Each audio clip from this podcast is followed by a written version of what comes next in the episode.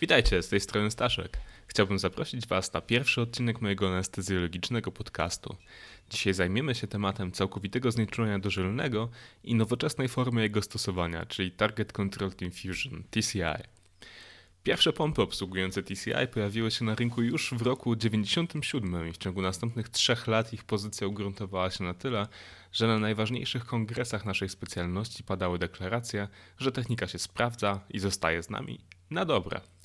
Dzisiaj chciałbym poświęcić chwilkę na porównanie TIVA ze znieczuleniem wziewnym i próbę znalezienia dowodów na to, że technika TCI w porównaniu z manualnym sterowaniem przepływami ma możliwe do udowodnienia zalety.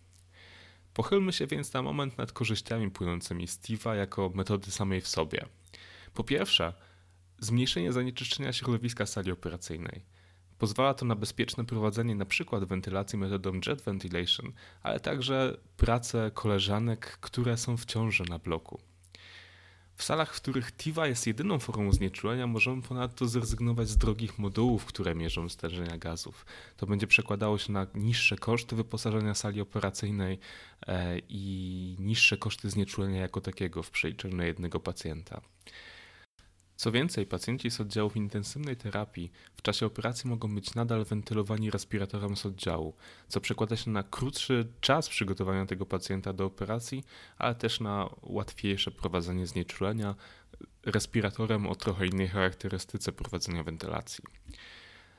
Szczególną zaletą w medycynie katastrof jest mobilność systemu do znieczulenia. W końcu przeniesienie lekkiego zestawu do TIVA jest wyraźnie prostsze niż ciężkiego aparatu do znieczulenia wsiewnego. Niemniej ważne są też korzyści wynikające z farmakodynamiki i interakcji między lekami. Występowanie pooperacyjnych nudności i wymiotów jest wyraźnie rzadsze przy znieczuleniu dożylnym. TIVA jest zaleconą metodą już dla pacjentów mających dwa punkty w skali Apfel, co oznacza na przykład, że właściwie każda niepaląca kobieta powinna być prowadzona w tej formie znieczulenia. TIVA może być stosowana bezpiecznie u pacjentów z porfirią czy przy skłonności do hipertermii złośliwej. Przy wentylacji jednego płuca TIVA nie ma wpływu na wazokonstrykcję naczyń płucnych pod wpływem hipoksji. Minimalny jest także wpływ na możliwości neuromonitoringu, np. somatosensorycznych potencjałów wywołanych przy chirurgii tętnicy szyjnej wewnętrznej czy rdzenia kręgowego. Szczególną zaletą w neurochirurgii jest brak wpływu na ciśnienie wewnątrzczaszkowe, a obniżający wpływ na ciśnienie wewnątrzgałkowe sprawia, że TIVA jest właściwie metodą pożądaną w chirurgii oka. O co więc chodzi w TCI? Problemem TIVA jest to, że utrzymanie stałej prędkości wlewu nie przekłada się na stałe stężenie leków w organizmie pacjenta. Większość leków znieczulających ma wysoką objętość dystrybucji, którą w początkowej fazie wlewu należy wysycić, dlatego często wlew zaczynamy od podania bolusa. Dla łatwiejszego zobrazowania tej zależności wyobrazić sobie można dwa lub trzy teoretyczne przedziały, których wielkość, szybkość transportu między nimi czy szybkość eliminacji środka znieczulającego jest zależna i specyficzna dla konkretnego leku. Dopiero gdy wszystkie te przedziały, te dwa, trzy przedziały się nasycą, wlew o stałej prędkości będzie pozwalał utrzymać stałe stężenie leku w kompartmencie docelowym. Oznacza to, że manualne sterowanie prędkością wlewu celem utrzymania jednakowego stałego stężenia docelowego jest dla anestezjologa bardzo trudne, jeśli nie niemożliwe. I właśnie na ten problem odpowiada metoda TCI. Tej metodzie użytkownik podaje tylko i wyłącznie docelowe stężenie leku znieczulającego, a pompa na podstawie specjalnych algorytmów dostosowuje prędkość wlewu w danym momencie. Oznacza to, że na samym początku pompa podaje bolus, potem robi krótką pauzę, a następnie dostosowuje stężenie wlewu, zaczynając od wartości wyższych i stopniowo zwalniając w miarę, w miarę wysycania się kolejnych kompartmentów.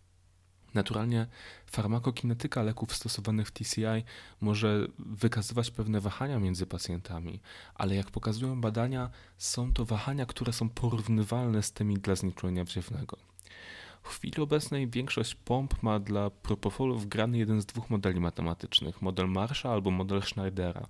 Różnią się one nieco zestawem danych, które trzeba podać aparatowi na wejściu. Model Marsha zadowala się tylko i wyłącznie wiekiem i wagą pacjenta, natomiast Schneider chce znać dodatkowo wzrost, beztłuszczową masę ciała, płeć.